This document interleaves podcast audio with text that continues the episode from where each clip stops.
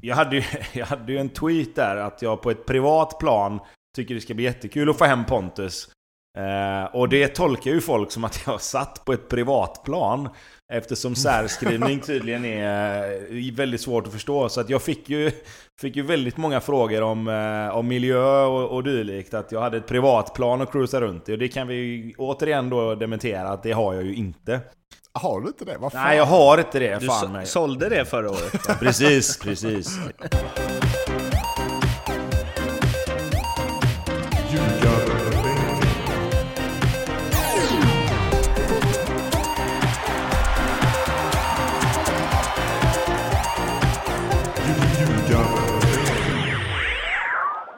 Det här är Ljugarbänken i samarbete med NordicBet i avsnitt 183. Och eh, ja, Mattias Lindström avslöjar ju aldrig någonting i den här podden av princip. Så jag vänder mig till dig Tobbe och eh, efter stora övergångar, det är Wernbloom, det är Sebastian Eriksson eh, etc. Men eh, de får faktiskt ursäkta för eh, Ljugarbänken sitter på den största transferbomben av dem alla. Ja, du- eller hur? Eh, Berätta vad det handlar om. Ja, vi kan väl smyga fram den lite lätt. Vi eh, har eh, under sommaren märkt att vi har haft lite svårare att få med oss 16 man på matcherna. Framförallt matcherna som är neråt. Vi har varit i Halmstad och Falkenberg och spelat matcher och inte riktigt fått ihop eh, 16 man. Så därför så har vi tittat lite på vad vi skulle kunna göra här med Kungsbacka City för att Ja, dels eh, bredda truppen men även st- eh, stärka med, med lite fler registrerade spelare. Så att eh, från lördag, eller egentligen redan spelklar, men, men eh, från och med lördag blir första matchen då, så kommer ju i den här 16-mannatruppen att ingå... Mattias Lindström! Ja, bravo, bravo! ja, Vilken grej! Hur känns det, måste jag ju fråga. Damma av den gamla ja nej, men jag ser det som en härlig utmaning och... Eh, jag skojar. Ja, det ska bli kul. Eh, jag har inte fått så många erbjudanden så jag, så jag slutar spela fotboll. Konstigt nog, konstigt nog. Eh, så, eh, ja. Eh, när Tobbe kallar så Hur har kommer man. förhandlingarna gått? Alltså position, tröjnummer, Ja, det, det är det vi tänkte ta i är podden. För att jag vet Okej. inget mer än att jag förutsätter Tobbe att jag... Jag vet inte vilken roll jag ska spela på. Eftersom du är Nej, tränare och precis. sportchef. Nej, vi har inte riktigt pratat om det. Om vi ska göra en Blåvitt och sätta dig typ som högerback eller... Hur spelar ska- ni för det första? Det kan vara Nej, vi, vi kommer förhoppningsvis... eh, Tanken är väl att vi spelar... Vi har Som blandat... Atalanta ungefär. Nej, det, det gör vi inte. Jag det gör vi en snabb inte. 19-åring mot mig. Eh, nej men vi har, vi har blandat lite beroende på vilka spelare vi har haft tillgängliga. Så vi har haft eh, 4-4-2 eller 4-2-3-1. Eh, är det vi har spelat mest. Ja, Och eh, i, min, i, min, i mitt huvud, eller i vårat huvud, jag har en tränarkollega där som, eh, som också är med och bestämmer. Så är det väl, för att göra det så enkelt som möjligt, det är väl att du spelar antingen som nummer 10 eller som högerytter. Där du är mest hemma. Eh, Så får vi se vad, vad det skulle tänka, kunna tänkas vara. Eh, Du har ju inte spelat på länge säger du, så det kanske är bra att matcha in dig lugnt och stilla. Ehm, Så att vi får väl se lite, men, men tanken är väl framförallt... Det, det kan vi väl säga också att det är jätte, jättetacksamt att få, få in en spelare som, eh, som Lindström eftersom, som jag sa, det, det är lite svårare att få med folk och åka de här en och en halv timmarna neråt som, som det ändå blir. Eh, och att han då kan komma från andra hållet och, och hjälpa till i de här tre matcherna som är kvar är ju, är ju skitbra. Så får vi ju se eh, exakt om, om det behövs i alla tre matcherna. Men för oss är det jättebra att ha en spelare till att välja på. Ska sägas att... Något, något som är riktigt tråkigt med det här dock är ju att ehm, Ja men att det inte får vara någon publik, så vi kan ju liksom inte se den enorma publikeffekten som annars hade blivit. Det ska, det, nej, ja, det ska sägas att jag ska inte vara med i så många matcher förhoppningsvis. Så jag kommer inte ligga och köra till Kungsbacka. Nej, exakt. Så Eftersom jag inte får någon körersättning heller här Tobbe. Nej, det, det, det, Vilken nej, nummer? det kan vi säga. Vi- Nej, vi, nummer? har, vi, har ju, vi har ju inte alltid samma nummer alltid. Eh, De flesta har sina fasta nummer som, som är med hela tiden och spelar, men det lutar väl åt Det att... han undrar eh, är, är tian ledig? Vad sa du? Det han undrar är, är tian ledig? Den brukar eh, faktiskt vara det. Så att det är inte alls omöjligt. Men det kan vi väl diskutera fram off-air eller vad man säger. Vem är lagkapten? Det... Ja, lagkapten har vi en Lindström, så den får du faktiskt inte. Ja, därför... Vad ligger Skreja i serien? Vet du det? Oh, de ligger eh, skrynkligt till. De förlorade sina mm. tre första matcher. Sen tror jag dock att de har vunnit en eller två efter det. Men... Eh, ja. Mm. ja. Nej, de, de ligger jag... på nedre halvan i alla fall, så ja. kan jag säga. Det har nu för fan inte för höga förhoppningar. För att sist jag spelade med TV-laget och då blev jag utbytt i halvlek. Ja. Men den gången kommer du inte bli utbytt i halvlek, denna gången kanske du blir inbytt i halvlek. Ja. att, eh, vi får väl se. Men skoj ska det bli i alla fall. Men det ska bli skitroligt. Vi får väl se om det lyckas styra någon eh, stream eller något på det här spektaklet. Men Lindström, innan vi lämnar den här diskussionen så vill jag bara som din vän och ta lite agentroll här, men gällande nummer 10 och kaptensbinden, så mm. allting har ett pris. Det vet du? Ja, det vet jag. ja, det blir bra. Ja, kapten blir han inte, så det kommer inte... Det behöver vi inte ens diskutera. Allt, allting har ett pris. Ja, eh, vi ska gå vidare och snacka om ja, men ett möte som kanske var lite speciellt, eh, eller är lite speciellt för eh, Tobbe. Det var ju nämligen så att eh, dina, två av dina eh, tidigare lag, Djurgården och IFK Göteborg, stötte på varann i en match som Ja, jag vet inte vad, det, den blev speciell på något sätt och vi kanske ska börja där i och för sig. Eh, Pontus Wernblom in, Sebastian Eriksson in. Eh, ja, det är ju förstås eh, personer du känner väl. Du kan ju ta det ur först en eh, ja, personlig eh, reflektion kring det och sen en utifrån vad det kommer betyda för IFK Göteborg idag. Ja, men det är klart att... Eh, alltså, det är ju som det alltid är när det gäller dels Blåvitt då såklart, men även när det är, är, både spelare och personer som jag har en väldigt nära relation till så är det alltid Alltså man är ju alltid positivt inställd till det. Jag har väl försökt att, att se på det lite nyanserat också och kunna någonstans, som du säger, vad, vad betyder det för Blåvitt och vad, vad, eh, vad kan de gå in och göra på kort sikt kontra lång sikt? Eh, jag, hade ju, jag hade ju en tweet där att jag på ett privat plan tycker det ska bli jättekul att få hem Pontus.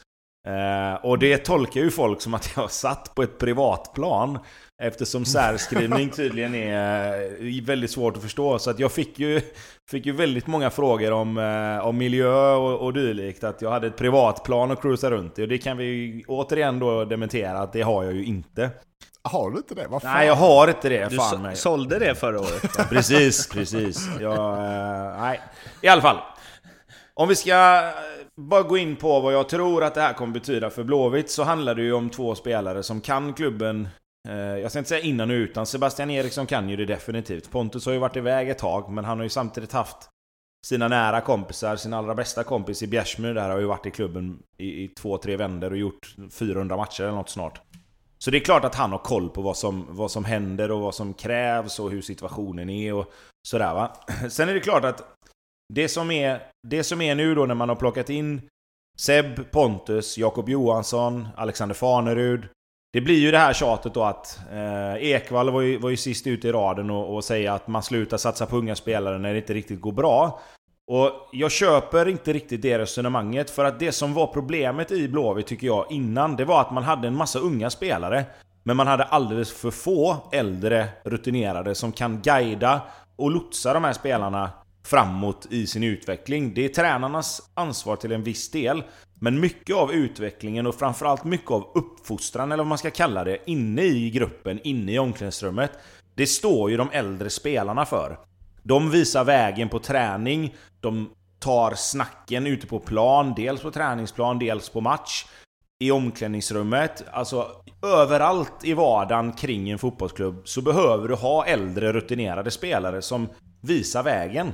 Och Blåvitt hade inte tillräckligt många sådana. Det går att säga att man satsar på unga spelare trots att man värvar in äldre.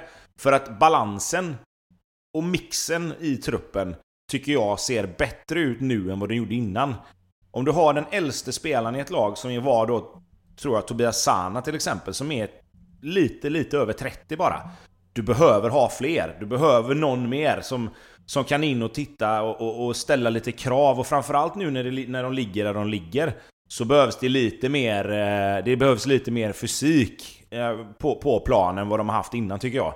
Så att på det sättet så tror jag att båda de här två kommer att göra jättenytta. För det är två fysiska spelare och det är två spelare som har spelat på en hög nivå och vet vad som krävs. Dels i Blåvitt men även överhuvudtaget. Men det finns ju en del eh, kreativa hån i, i det här förstås. Att eh, värva spelare som kanske passerat bäst före-datum. Eh, var en tweet jag såg från eh, Anton Sell som skrev IFK Göteborg blir verkligen farliga i Allsvenskan 2010. Eh, och någonstans så, visst de kanske behöver mer rutin och så, men det finns ju också en eh, det finns ju också en risk med det här, eller? Alltså som AIK, som värvade mycket rutinerat och satsade allt på ett kort. Liksom. Drog på sig ganska stora lönekostnader, vet att det är spelare de inte kommer få in pengar för den dagen som de gör sig av med dem och så vidare. Det är där risken sitter ju. Att det är dyra, det är de här spelarna vi pratar om i, i de här klubbarna är dyra spelare. Som, ja, som antagligen ja, det kan generera i kanske sponsorpengar, sådana grejer, men rent försäljningsmässigt och eh, skadehistorik och liknande så är det klart att det kan vara dyra spelare att ha i en trupp. Eh, men jag tror, som Tobbe sa, att eh, de här, även AIK har en ung trupp eh, och många säljbara spelare. Och då, vet, priset för att trilla ner till superettan kontra priset att ha en del rutinerade eh, spelare i truppen som du inte kanske kan få någonting för om två år. Eh, det är värt det. Eh, tycker de här klubbarna. Och jag håller med att får man den rutinen mellan gammalt och, och ungt, det är det man behöver. Någon de unga kan eh, lyssna på, någon kan luta sig på nu när det blåser. För nu blåser det i bägge klubbarna. Eh, ordentligt och då, är det inte, då, då behöver spelarna någon att luta sig och även tränarna och klubben. Och de här spelarna som kommer in nu, eh, Varmblom och Bjärsa och Sebbe. de, de kommer stå upp när det blåser, det lovar jag. Och jag, även, även spelarna som gått in i AIK nu. Eh, rent om man ser på vad det är för typ av spelare man fått in då. Eh, hur det är trångt på innermittfältet om alla ska spela på sin bästa position. Jo, men det kommer de inte att göra. Eh, jag tror Nej. att Sebastian Eriksson först och främst är väl tänkt att ersätta Viktor Wernersson som vänsterback. I alla fall i ett första skede. Skulle jag säga. Nu är Emil Holm, fick ju problem med baksidan här sist. Annars hade väl Jallow vänster och Holm höger vart det, vart det närmsta alternativet att, att ändra till. Eh, men jag tror att Sebban spelar vänsterback lite innan han lämnar och jag tror att det är framförallt är där han är tänkt till en början. Sen kan han ju han har ju spelat både vänsterback och högerback och mittback i en trebackslinje. Han är innermittfältare. så att det, du får in en spelare som kan spela på rätt många positioner. Vad gäller Pontus så tror jag att eh, han kommer spela centralt. Sen om det behövs på mitten så kommer han spela där. Han kommer säkert kunna spela i, om man säger den här Wernbloom-rollen då som skapades när han spelade i Blåvitt sist. Eh, som, som vi försökte att hitta en spelare som som skulle ersätta honom då när han lämnar sist. Eh, som är lite släpande anfallare. Blir lite targetspelare i, i uppspelsfasen men sen komma som, som i en andra våg in i straffområdet. Och lite grann som Alexander Farnerud gjorde mål nu senast mot Djurgården så, så är det väl egentligen i den rollen som Pontus ska, ska komma. Och han är ju bra på huvudet och kan vi nu få lite mer inlägg och lite mer inspel i straffområdet så kommer de att kunna utnyttja situationerna. Dels första situationen som uppstår men även de situationerna som kommer uppstå runt omkring första bollen in. Eh, vilket man kanske inte riktigt har kunnat göra på, på bästa sätt innan då.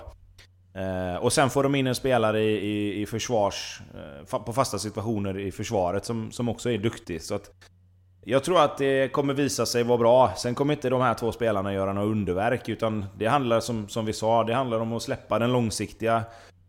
Det långsiktiga tänket lite grann eh, för stunden och se till att klara den här säsongen. Och sen så får man sätta sig ner och titta på truppen i, i vinter igen. Och, och, eh, och se vad man behöver göra och vilka eventuella förändringar som, som behövs göras då. Men det är ju ändå spelare med mycket eh, utlandsrutin, eh, landslag. Alltså det, både Wernbloom och Seb bör väl lyfta Blåvitt ganska rejält. Eller? Jo men det är klart att jag menar, alltså Pontus är ju, Pontus är ju 34, men han, är klart, nu har han varit skadad ganska länge och inte spelat matcher på länge, men han... Det är som han säger själv, han har ju knappt haft en skada i sin karriär innan det. Sen är det klart att en hälseneskada är ju, är ju grov och den är ju liksom allvarlig, men kan han komma tillbaka i rent fysiskt skick och, och, och bli matchad igång här nu på, på hösten så tror jag säkert att han kommer göra jättemycket nytta. Sebastian Eriksson likadant, han har inte heller spelat på länge och han har en lite annan skadehistorik än vad, än vad Pontus har. Men han har ju å andra sidan, ja, peppa peppa då, inte, inte varit skadad på länge heller. Eh, så att kvalitetsmässigt är jag inte orolig för de här spelarna och jag tror att med, med den... Jag tror att rutinen och erfarenheten och framförallt karaktärerna i, i laget och i gruppen gör att spelare som kanske inte har den Alltså den naturliga ledargenen i sig som, som har fått ta väldigt mycket ansvar nu under våren, under sommaren. De kan ta ett kliv tillbaka lite, koncentrera sig på att göra det de är bra på, det vill säga spela fotboll. Och så, kan, så, så kommer de här naturliga ledarna in i, i omklädningsrummet nu som, som tar den rollen automatiskt. Eh, och så slipper man ha spelare som går runt och tänker på att de ska vara ledare, för då, då blir det oftast inte bra. Första matchen då, Pontus Wernbloom hoppade in i andra halvlek och eh, sa efteråt att, eh, ja, att han så, tryckte på att han hade förlorat en nickduell mot Jakob Une Larsson och att det får absolut inte hända. han är väldigt bekväm vid de eh, intervjusituationerna förstås. Eh, och det ska man väl säga att liksom som utifrån som fotbollssupporter är det skitroligt att han är tillbaka och jag jag tror alla reaktioner jag läste på Twitter var, oavsett vilket lag man håller på, att det är kul med Wernbloom i Allsvenskan igen. Eh, men han hann väl inte liksom göra jättemycket i den matchen. Blåvitt fick med sig en poäng, ehm, kändes mer nöjda än vad Djurgården gjorde med den poängen. Eh, men fortfarande så är de uppe på tvåsiffrigt antal kryssmatcher nu va? Det är tio stycken. Ehm, hur, hur tror ni man känner efter en sån match? För 2-2 borta mot Djurgården är ju inte kattpiss, men samtidigt så de behöver ju treor. Ja, alltså, vi, det, alltså det blir ju egentligen samma som vi har varit inne på lite förut. Att plockar du, plockar du matchen i sig ur sitt sammanhang så, så är det återigen, jag menar kryss borta mot, mot Djurgården är ingen, ingen katastrof. Det hade man kanske till och med tagit innan säsongen, men men det är ju inte, det är inte borta mot Djurgården, borta mot Hammarby, som, det är ju inte de kryssen man ska klaga på, utan det är ju... Det blir ju helheten, att de inte vinner de andra matcherna, och när de inte gör det så måste du ju vinna de här matcherna. Eh, i, I just den här matchen så tycker jag Blåvitt börjar jättebra. Första 15-20 minuterna är de bra mycket bättre än Djurgården. Eh, jag såg någonstans, det var, kom upp någon grafik, att de hade 82% bollinnehav första 15 minuterna. Och det, det, det, ser ju väldigt, väldigt bra ut, men det var fortfarande 0-0 i målchanser. Och då blir det så här, då är det ju liksom... Då är vi där igen då. Då har de bollen, men det händer liksom alldeles för lite. Eh, sen får de en... Ja, en straff. Visst, bollen tar på handen, men det är ju en ganska hårt dum straff. Eh, men den tar man ju när man är i det läget. Och så gör de ju mål på den, får med sig 1-0 in i paus. Men sen så är det liksom 10 minuter i början på andra halvlek som är, som är för dåliga. Eh, de, de, de är för, för tama och för dåliga i sitt eget straffområde. Och det, det blir liksom... Blåvitt under sina bra perioder skapar för lite för att vara helt nöjda, medan de i sina sämre perioder i matcherna blir enormt straffade. Så att de måste hitta ett sätt att dels få mer utdelning under de bra perioderna, för det finns rätt många bra perioder under matcherna ändå. Eh, men sen framförallt se till att hålla tätt de, de gångerna man blir tillbakatryckta. För att det är liksom... Det är lite för enkla mål att släppa in och det vet man ju. Det, det, det vet jag att de tycker och det säger de ju själva. Är, mm. är Tobbe på den vi... färdig nu? Ja, precis. ja, vad fan. Nu, äh, nu håller jag tyst och så får ni snacka om resten. ja, det är bra. Ja, nu går vi över till Lindström-podden då. AIK Helsingborg på förhand en eh, ödesmatch i stora ord, men det är en otroligt viktig match för båda lagen. Kanske framförallt för AIK på hemmaplan som fortfarande inte hade vunnit under eh, Bartos Geslak. Eh, däremot så blev det ju vinst nu. Eh, Seb Larsson med ett mycket fint 1-0 Eh, mål och var väl någonstans eh, hänföraren i det här. Men, jag kanske är hård nu, men vilken otroligt dålig fotbollsmatch.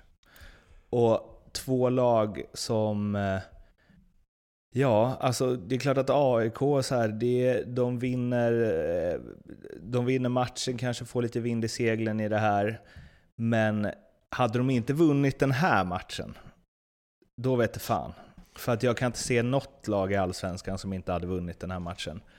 För Helsingborg, eh, framförallt i första halvlek, i andra halvlek lät ju AIK de bara ha bollen för att de märkte att det var helt ofarligt. Mm. Men i första halvlek, otroligt dåligt. Ja, tyvärr.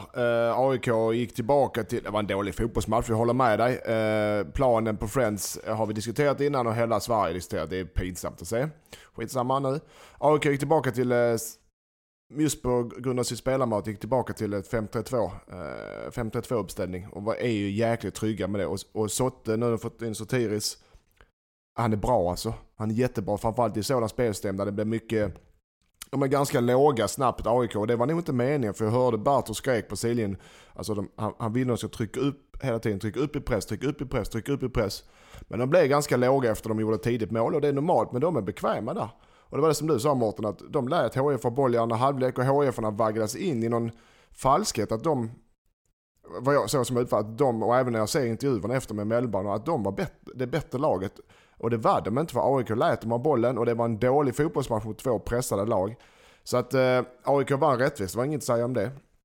Eh, AIK nu... spelade i första halvlek ganska enkelt, skicka upp bollen. Det var långa, mycket långbollar från framförallt AIK. Upp på bollen så, för de, då hade de eh, Goitom där så drog de in sina, sina forwards och jobbade på andra bollen och touch. Så, så spelar AIK. De skickade upp bollen, sög fast andra bollen och spelade väldigt, och sen låg de lågt i försvarsspelet. Och när de vann bollen så gick de på omställningar eller skickade upp den. Så det var väldigt primitiv men effektiv fotboll från AIKs sida. Och det de behövde var en seger och det fick de. Eh, sen om det kommer se hur... bättre ut fotbollsmässigt, det, det, det vet fan alltså. Men alltså hur kan Olof Mellberg stå efter matchen och tycka att de dominerade? Och det, jag tycker ofta det är så. Han tycker ofta att HF har spelat jag bra. Så, jag såg inte, ja, jag de blev lite typ också. Men, aldrig bra. men just när du förlorar med 2-0 och det är så tydligt att motståndarna tillåter dig att ha bollen på deras planhalva eh, och du inte skapar några chanser med någon nick och liknande. Då, ja, men då, då är det lite konstigt att hålla. Men jag, alltså det finns väl olika varianter. Jag, Tobbe, du får gärna hjälpa mig, men alltså, det kan ju vara att vi ligger sist i tabellen, vi har en dålig trend. Eh, jag, jag, trycker på det positiva, så som jag tycker var positivt och lyfter det till eh, absurdum egentligen.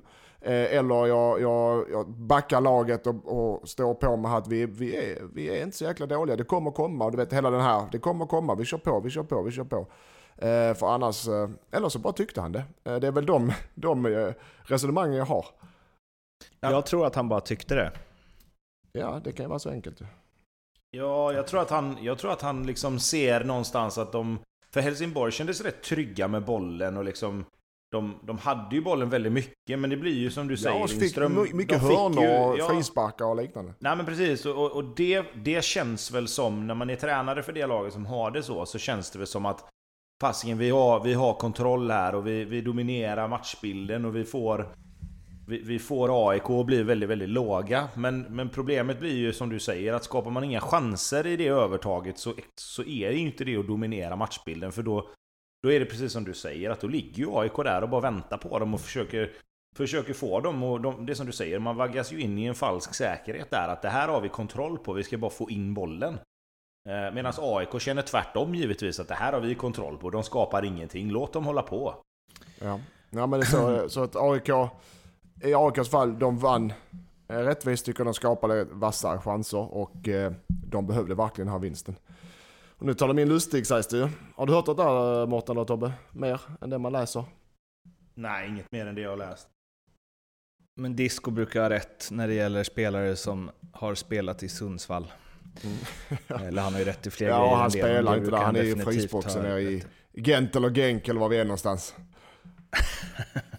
Tränar med U21-laget liknande. Så att eh, de, de gör ju som IFK, de satsar allt på ett kort för att hålla sig kvar och det gör de, eh, de kommer hålla sig kvar om de tar in de här spelarna tror jag. Lustig, bra allsvensk värvning va? Ah, jag vet Nej. Alltså, nej, jag är inte så jäkla... Jag, jag har inget emot Lustig, men jag, nej, det är ingen, jag tycker inte det är en supervarvning om jag ska vara helt ärlig. Och det, den är kanske tuff att säga, men det tycker jag inte. Det är en bra varvning så, men det är ingen supervarvning. Det tycker jag inte. Men vad, vad, vadå 1 till 5 i betyg? Fyra. Ja, men då är det ju en br- jättebra värvning. Ja, men du ingen super. Men tre, vad är, fem, vad är femma då? Ja, men om du varvar, Va? om du varvar, alltså vad är en, en trea är godkänt ju, och en fyra är mycket bra och en femma är superduper bra. Eller? Så det är en bra, Mm. eller? Ja, en fyra för den. Ja, en svag fyra då. Du vågar inte säga tre för att du tror att det här kommer bli en rubrik i Nej, Aftonbladet. men han är som inte när du sa att, han är- Som just- när du sa att Kristoffer Olsson inte var en bra Ja, värvning. den, den hade jag ju fel ju. Men eh, han är inte en trevarvning, han är en fyrvarvning. Men det är ingen stark fyra. Okej. Ja, Okej, okej. Tobbe, håll med mig.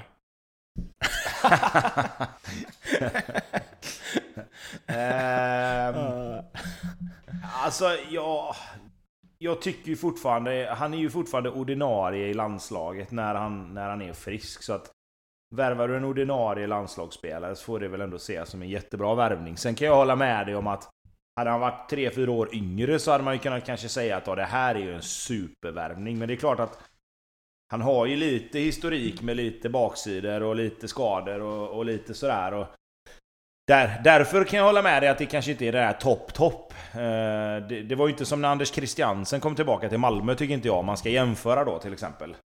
Eh, men det är klart att det är en bra värvning för AIK. Framförallt är det väl på en position som de, som de kanske inte riktigt har fått att, att stämma till 100%. Och Det HS någonstans om de nu ska spela med en, en 3 5-backslinje så den trean i mitten där eh, får ju en uppgradering om man ser att det ska vara Sotte och Lustig och Mets eller Pertan mot vad det har varit tidigare. Och jag, tror, jag vet inte om det är kanske lite den tryggheten de letar efter samtidigt som vad hade de? De hade ju någon så här expected goals på under ett mål per match eh, mot bottenlagen. Alltså jag menar, det, det är också framåt de har haft strul. Och jag tror inte att de kommer använda Lustig som någon wingback direkt. Man är inte riktigt den spelaren som far upp och ner hur mycket som helst. Men jag, ja, jag antar att det är en, en, en trygghetsvärvning på något sätt. Ja men det är det definitivt. Om de, framförallt att de får hem, får hem honom och han har några år kvar så, i kroppen. Så att, ja, men det är som vi sa innan, de, de går ju, både de här klubbarna, storklubbarna som är i kris, de går ju på rutinerade namn så de, för de har det ekonomi, muskler till det.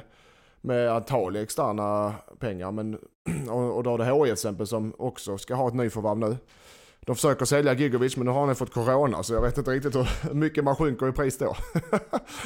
Eh, men HIF ska göra klart med en anfallare idag eller imorgon sägs det. Eh, Och då snackas det om Gant och Kjartansson. Och, du vet, Gant han kommer inte flytta hem. Eh, Han, familjen flyttar hem men Gant kommer inte flytta hem. Du har Kjartansson och Örnen där, det är inte HIFs... Ja, det går inte helt enkelt. Eh, och då har du spelare som på, på lite vad säger man, lägre hyllor. Som HIF får leta. Så jag, har, jag vet att Simovic har jag hört. Eh, det kan vara något kanske.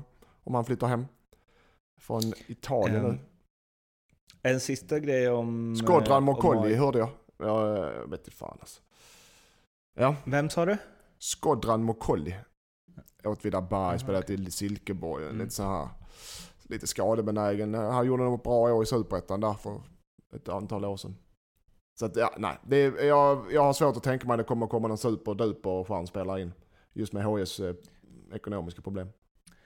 Och tabelläge. En eh, sista grej om AIK då, eh, som ju också borde vara lite oroande egentligen, Eh, är ju att deras spelschema framöver, alltså Häcken hemma, Sirius borta, Malmö borta, derby mot Bayern, Mjällby hemma, Östersund borta, Blåvitt hemma, Norrköping borta och sen har vi 2 november, Varberg hemma. Och jag skulle säga att det är ju typ den första matchen där man känner så här, ja, den här ska de verkligen vinna. I förhåll, alltså om man ser till hur det sett ut i AIK. De är absolut inte favorit mot Häcken hemma, absolut inte mot Sirius och Malmö borta. Derby mot Bayern. Mm. Mjällby hemma, visst innan säsongen skulle det vara en klar trea, men så som Mjällby sett ut. Alltså de har haft sina, inom citationstecken lätta matcher nu ju.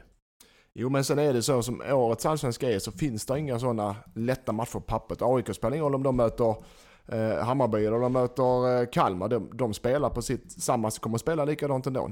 Det kommer att vara, eh, nu fortsätter 5-3-2, det kommer att vara tufft spel, det kommer att vara ganska enkelt och rakt spel. Så att, och de har bekväma med av motståndarna har bollen och ligga lågt. Så det spelar ingen roll, är eh, min uppfattning, det spelar ingen roll vilket lag AIK möter. De kommer att spela likadant, agera likadant och matcherna kommer ungefär se likadana ut alltså. Nu har det blivit dags att slå en pling till den gode Leopold Neurath som är eh, tillbaks i matchen. Han, ska ta, han har tagit fram lite specialspel eh, till oss. Jag tror det har något med nyförvärv att göra. Vi får väl se. Vi ringer upp. Leo! Hallå, tja! Tjena! Välkommen tillbaka! Hej Neurath! Ja men stort tack! Hur har ni haft det? Skitbra! Ja. Du, vi, hur har du haft det? Var har du varit någonstans? Ja, det är skönt när kärnfamiljen är tillbaka ändå, måste jag ändå säga. Faktiskt. Nej, jag skulle till Cypern men jag kom ju inte längre än till Düsseldorf. Va? Eh, Det var lite synd. Men vadå, Men, eh, Cypern, Düsseldorf, det är väl potato, På grund av coronan, vad eller? Man säger. Ja, alltså ja. De, eh, Cypern hade flyttat Malta till ett kategori 3-land där under morgonen när vi flög, så vi kom inte in efter mellanlandningen där. Det är sånt som det är. Men som en direkt fråga till dig då Lindström. Vet du vilken svensk bekant tränare som är coach för, för eh, Fortuna Düsseldorf? Ja, Rössler. Ja. Ja. Men alltså, vad fan tror du jag är helt eh, under isen eller? Nej, man vet aldrig. jag Det man te- måste testa det ibland. Det är det. Om, om du är på tårna eller om du har semestermodet kvar. Vet du vilken svensk högerborgare som har spelat fotboll på Cypern? Det är Eh, överkurs, superöverkurs. Dejan Pavlovic. Nej. Ja, ja okej. Men sen där, ja, nu, nu är det överkurs här. Ja, vad har du till oss hörru, jag Vi orkar inte kallprata med dig. Det är vissa lyssnare som tycker det är kul när vi sitter och pratar och retar varandra. Men jag, vi är inte intresserade för vi är seriösa vattenkammade pojkar och du är en liten strulig Pelle som sitter där på Malta som bara vill att vi vill ha spel av dig. Det är det vi vill ha. Ja, men då orkar inte jag lyssna på det. Så då går jag direkt till Hussein här då. Ja, okej. Eh, Jag har satt upp eh, odds på Pontus Wernbloom antal mål. Eh, Allsvenskan 2020.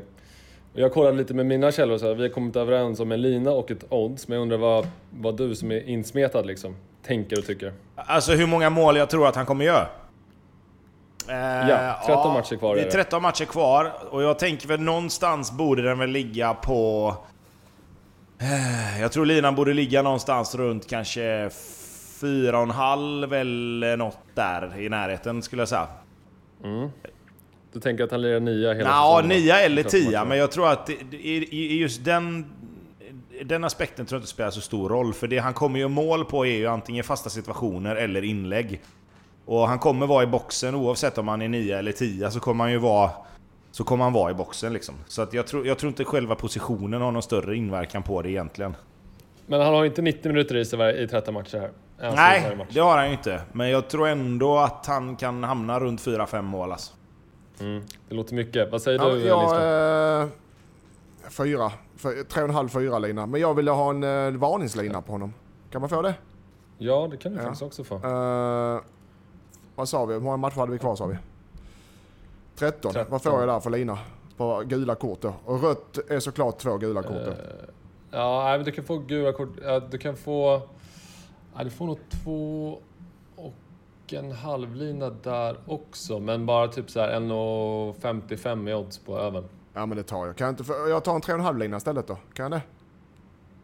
Ja, ja 3,5, 1,80. Ja det tar jag. Alltså han... eh, Han låg... eh, 2000, alltså han, 2015-16 i eh, Moskva så låg han på 15 varningar.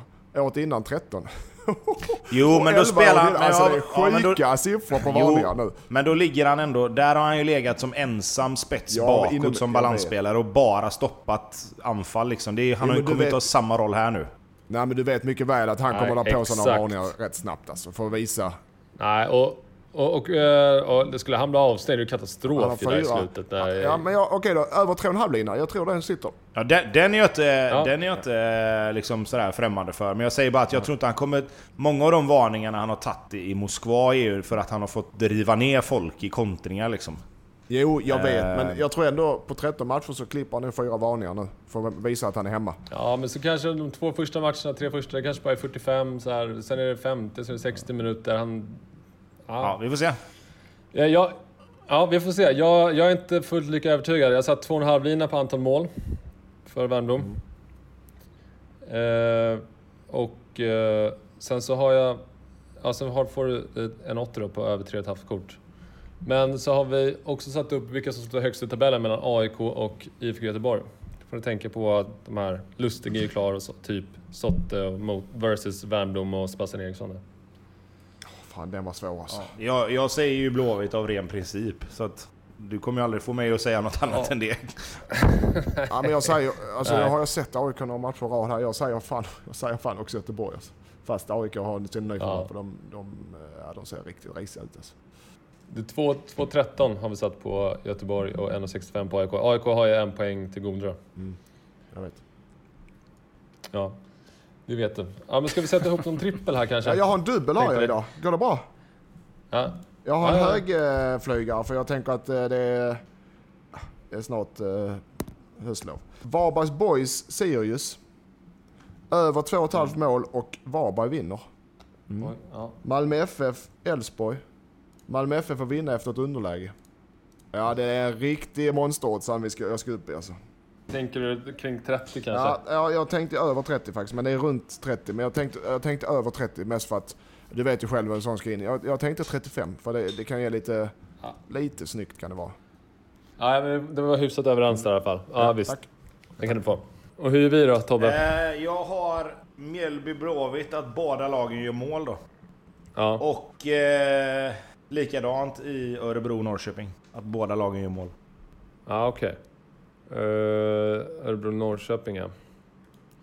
Eh, ja, men du kan väl få... Du kan få 3,75 på den, tänker jag. Och på den andra matchen då? Alltså, Ja, totalt. Ja, okej. ja, vi, vi, vi, vi kör med fyra då så blir, rundar vi över på det. Blir bra. Ja, ja okej, Ja, det vi kör på det. Så säger vi så för Ja. den här gången då. Ha det bra Leo. Ha det. Ja. Ja, det har det. Ja, Tja, tja, hej hej. Det där var alltså Leo på Nordic Bet. Och kom ihåg att spela ansvarsfullt och att du måste vara minst 18 år för att spela. Behöver du hjälp eller stöd så finns stödlinjen.se. IFK Norrköping mot eh, BK Häcken och Leo Bengtsson gjorde matchens enda mål eh, på ett skott som... Eh, ja, hur försvarar man sig mot det där? Hela försvaret är samlat, alla ligger rätt i positioner, det är ganska knepigt vinkel att skjuta ifrån. Och han får till någon sån stenhårt och flakt på samma gång. Och bollen bara skruvar sig ut eh, mot nästan stolpe in. Det var ett Ronaldo-mål. Ja men det går ju typ inte. Hur ska man... Då får man ju stöta på honom jättehögt upp i sådana fall. Nej men alltså, men eh, så, när man är försvarad, motståndarna, man får inte glömma att han gjorde det bra som försvarare. Alltså du följer honom in i plan, du täcker skott hyfsat, alltså han är också snabb i sidled. Du gör inget, du gör inget fel på det sättet. Täcka det skottet, ja det kan du göra, du gör det superbra men, men jag menar vad fan, ibland får man bara lyfta på hatten. Man ska, när motståndaren gör sådana grejer, man kan inte försvara sig mot allt alltså. Nej, det, det var verkligen ett mål som man typ inte kan försvara sig mot. Eh, och eh, Framförallt på, när du, tog med- förstås- förlåt, framförallt när du är på konstgräs. Du kommer upp i press, du kan inte komma ut för snabbt för då går man bara i sidled. Du kan inte komma ut för långsamt för det ger för mycket plats. Så i det här fallet så var det inget försvarsmiss ut. Det var, bara, det var jäkligt fint gjort av Leo. Eh, och eh, tung seger för Häcken förstås. Eh, tung förlust för Norrköping. Jag såg framstående IFK Norrköping-supportrar på Twitter som börjar spekulera i att här har Peter Hunt öst in massa pengar för att han vill ha ett andra guld. Och sen han eh, eh, tillät eh, eh, klubben att värva massa så har det egentligen bara gått sämre och sämre när Hallenius och Wahlqvist kommer in. Eh, och att Jens Gustafsson kanske inte sitter sådär superduper säkert som man kanske tror. Vad tror eh, ljugarbänkens panel om detta? Jag, jag kan börja denna Tobbe, får du ta. Jag, jag, han sitter säkert Jens. Jag, Norrköping eh, är med i racet om Europa. De har en dipp och de ser seger. Många spelare, Sead och, och Nyman och Tarn, och de, nu var Smith skadad, ser sega ut nu. Och det är en naturlig reaktion. Eh, men eh, klart de har en dipp, men de är, kommer vara med och slåss om Europaplatserna hela vägen. De kommer inte vinna guld, inte så länge Malmö är som de är. Så den kan de glömma. Eh, men det tror jag inte eh, Hunt jag, tror, jag, jag har svårt att säga att han går ut och ställer krav på att de ska vinna guld. Det gör du sällan som, som eh, chef. Framförallt när du har klubbar som Malmö i serien. Och Hammarby för den Men eh, Europaplatsen är såklart ett mål och en, antagligen en, ett krav från dem. Eh, och det kommer de vara med och slåss om. Jag tror de kommer att klara det i slutändan. Eh, och Jens sitter säkert. Är, och, och, om, vi säger om Jens får sparken så är det ett eh, väldigt, väldigt intressant namn för många klubbar runt om. Så att han, han bättre tränare hittar de inte i Norrköping. Så att den, den är inte, det ligger inte på honom. Att de har en dipp. Igår var däremot dåligt av dem. Första halvlek var katastrof. Mm. Tobbe, det kan Tobbe? Ja. eh, nej men jag håller med dig. Eh, Jens Gustafsson kommer ju med allra största sannolikhet, i alla fall året ut. Eh, för jag menar, de har ju som du säger, de har ju jättechans på Europa fortfarande. Och hade, hade man satt Norrköping topp 3 innan säsongen så tror jag de hade varit nöjda med det. Eh, nu är det klart att nu ledde de serien så tidigt med så många poäng. Och sen bara hamnat längre och längre och längre efter. Så på det sättet så kan det ju liksom finnas fog för kanske en liten diskussion om det skulle fortsätta. Och det är klart att skulle Norrköping trilla ännu längre ner och komma sjua, åtta kanske när serien är slut.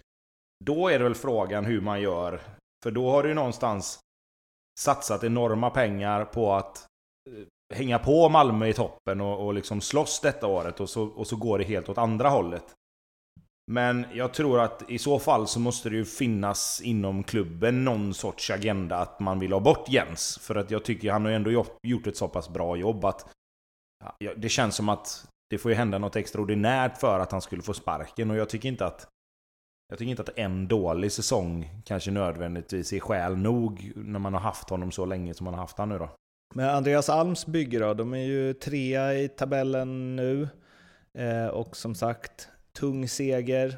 Eh, jag var inne på eh, för något eh, avsnitt sen att de är ett sånt lag som inte räcker hela vägen.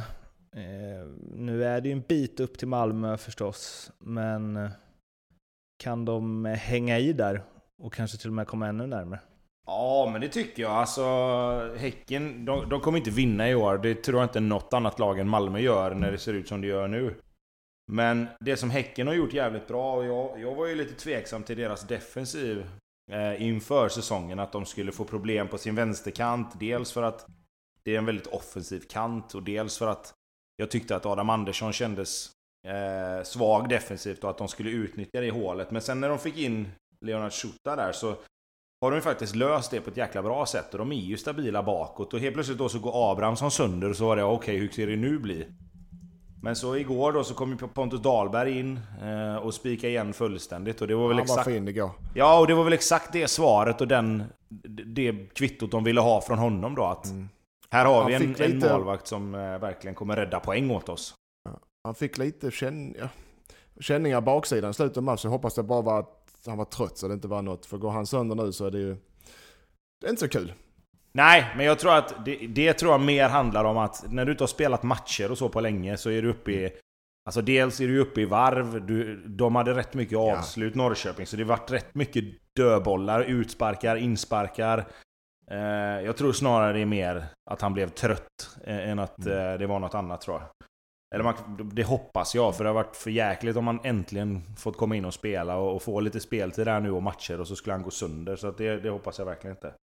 Men jag håller med dig om Häcken. Eh, du vet, du har... Eh, Almi är som satan taktiskt. Det, ny, det nya Häcken, vi var inne, jag var inne, det var faktiskt jag som var inne på det tidigt, att ja, det Häcken spikar igen rätt bra defensivt. De är eh, tajta i 4-2-3-1 och de, de eh, vet sina positioner. De har spelare till både offensivt och defensivt och sköta disciplinen. Så att de, eh, Alm har, han har koll på vad han gör och han har fått ordning på Häcken som är ett du vet gamla Häcken, jojo, där, alltså Häcken är stabila.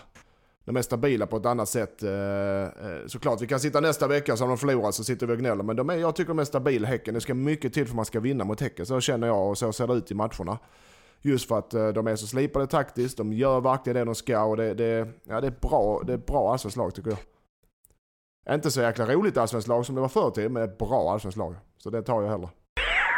Sirius är på riktigt har vi konstaterat för ett tag sedan och eh, de bara öser på. 3-1 hemma mot Bayern. Bayern var eh, bättre laget första halvlek. Men sen tog Sirius över mer och mer och mer och till slut orkade inte Hammarby stå emot utan det blev två sena mål. Sirius vann med 3-1. Eh, Sugita förlänger till 2023. Eh, fast jag kan ju inte tänka mig att det finns många klubbar i Allsvenskan som inte vill ha honom. En super, Och- en superförlängning. Ja, ja, ja jo, Rita verkligen. Och, Jag tycker det. Eh, För en klubb som ja. Sirius. Eh, och det är ju... eh, Det är ju svårt att se att Sirius, eh, för ett tag var man väl lite inne på så här, hur länge orkar de och det kanske kommer en dipp snart och de kommer inte fortsätta spela så här hela säsongen och så. Men nu har man ju snarare svårt att se varf, va, hur den dippen ska gå till. De, ja, För uh, otrolig, andra halvlek, de kö- kör ju över Hammarby helt.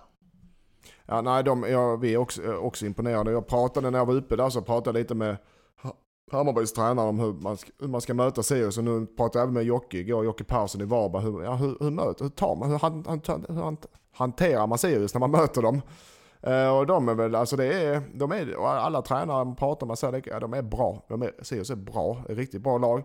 De är konsekventa i sitt spel, vill spela, är rörliga, spelar sällan i djupled. Eh, med eh, eh, Mohammed där fram som sällan går i djupled. De, eh, de spelar fint, de har bra rörelse men de har en bra, också bra spelare. De flesta pressar dem högt, vinner boll, på dem, är lite naiva, straffar dem på deras egna misstag. Det är det många säger. Men när de får rull på det och när de får det funkar, då är det, det, det, då är det de extremt svårslagna. Och det visar de mot Hammarby. Så att det är... Jag tycker det är tråkigt att min nya favoritlag Hammarby förlorar, men eh, Sirius är värda det alltså, så det är inget att säga. Och jag sa, det vem är spindeln i nätet? Ja, du är Ola som är sportchef eller klubbchef, jag vet inte vad han är, och så har du Rydström som har byggt upp detta så att eh, både värvningspolicyn med spelarna de har tagit in som har gjort succé och även eh, sättet att spela med Rydström. Så att där är nog eh, ett jäkla fint team i framtiden. De slår ju också ett Hammarby som ändå var på gång liksom. Ja, De ja, och de vinner, de vinner på sitt sätt och vinner rättvist. Så det är inget att säga om det. Och jag tror inte någon i Hammarby har sagt något heller. Utan Sirius är ett... Eh, ett vad ska vi säga? Vad, vad säger vi Tobbe? Är de med mig i toppen för att stanna eller? Eh, alltså det, jag tycker alltid det är så svårt att, att, att säga så. För att i år absolut, det kan vi väl säga att de är. Eh, det är väl inget snack om saken. De har ju gjort bra matcher och, och slått de bästa lagen. Men sen... Matt, hur mycket vi än tycker att Sirius har varit jättebra och, och liksom allt sånt där, De ligger ju fortfarande, om man säger bara sexa då. Det är ju fantastiskt bra för Sirius. Men, men det är ju fortfarande... Visst, en eller två vinster så kan de ligga tvåa helt plötsligt. Men oftast är det ju så med sådana lag som inte riktigt når hela vägen upp. Att de förlorar ju någon match helt plötsligt. Lite halvt oförklarligt. Och så tappar de lite hänget på de där absoluta toppplatserna. Sirius har ju en högsta nivå som är bland de bästa i Allsvenskan. Det, det är ju bara att konstatera. De har ju slått, som vi sa nu, de har slått Hammarby, de har slått Norrköping. Eh, jag tycker ju fortfarande att deras offensiv är klart mycket bättre än vad deras defensiv är. Eh, vilket väl kanske inte är så konstigt när deras offensiv är så bra. Men jag, jag kan ju fortfarande se dem bli enormt straffade om något lag eh, träffar rätt, som du säger, i det här pressspelet och lite grann Kanske att man får spela lite tuffare och lite mer eh, tätare på just de här spelarna som Sugita och Vecchia för att Dels få dem ut balans, eh, spelarna själva, men även lite grann störa deras uppbyggnad. Och de, de, de har ju väldigt tydliga linjer där de vill söka de här spelarna i, i ett ganska tidigt skede för att sätta fart. Och det, det är inget lag som riktigt har fått ordning på det. Så att eh, det ska bli kul att se när något lag kanske hittar den nyckeln lite grann och se om alla andra lagen kanske sen då följer efter. Men, men än så länge så gör de ju det fantastiskt bra. Det, jag tror ju alltså nu, eh, som mot, nu har de Varberg borta eh, på, i helgen.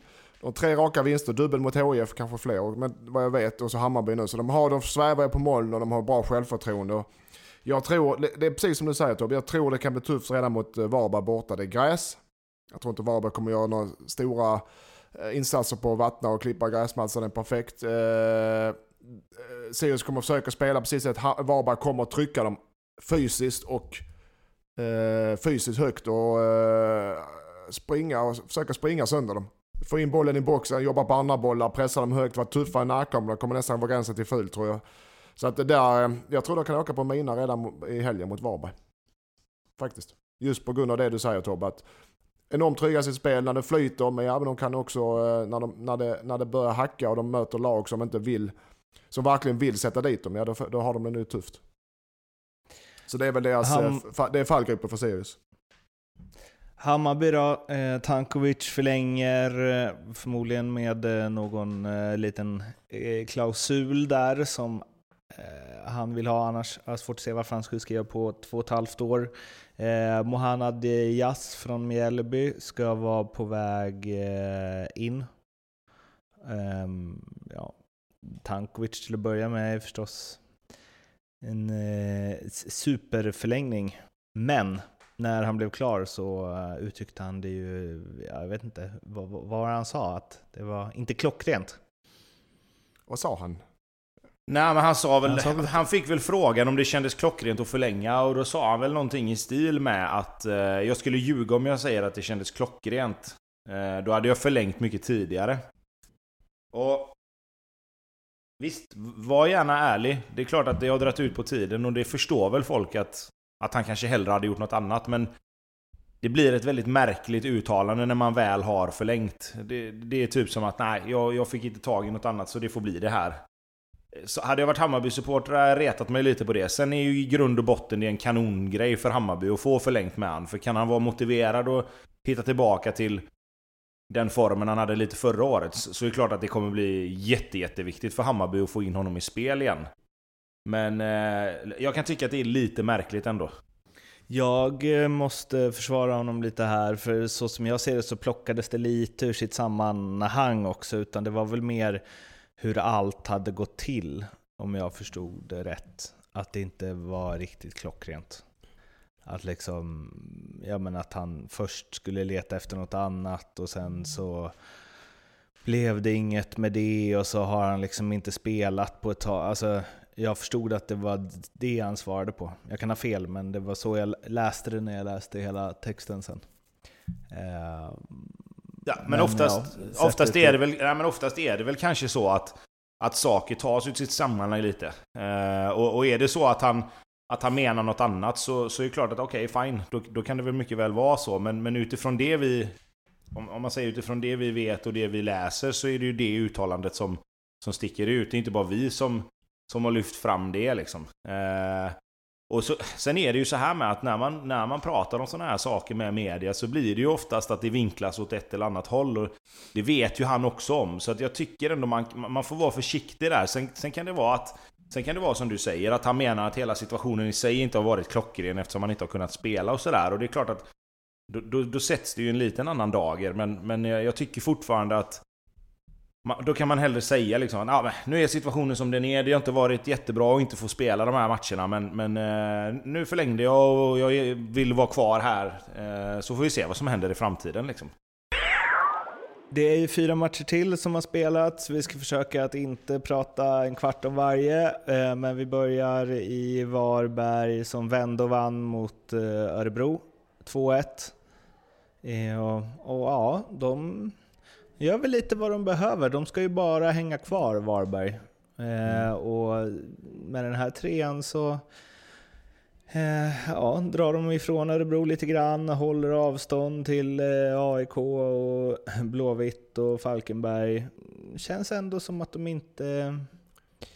Eh, vi var inne på att de har liksom börjat eh, darra lite, men det känns ändå som att de har hyfsad kontroll på läget. Jag tycker det jag har sett av Varberg så som konsekventa med sitt spel men, och det har roterat dem ändå på det sjukaste jag har varit med om. Men Varberg kommer att klara sig i Allsvenskan. Alltså de, de är jobbiga för vilket motstånd. Så länge det kommer att vara tomma läktare och det kommer att vara tråkigt att möta Varberg på Påskbergsvallen och de möter, åker upp och spelar för tomma läktare i Stockholm och Malmö och Göteborg så kommer de klara sig kvar i Allsvenskan med det här, med det här truppen. Och nu tog de in, och jag menar jag, jag blev imponerad, vad är det, säger det är lätt att säga när man vinner, men jag blev imponerad Nu tog de in Junes Barney, som är inget okänt fotbollsnamn, men han har inte spelat match. Han har inte spelat match sedan från eh, ett år tillbaka när han spelade med Blåvitt, någon match, jag kommer inte ihåg. Mer än ett år sedan han spelade match. Han har tränat, när jag var tränare i Eskilsminne så tränade han med Högaborg de sen, det senaste pff, halvåret minst. Eh, ett division 3-lag som tränar efter oss, eh, efter Eskilsminne på kvällarna.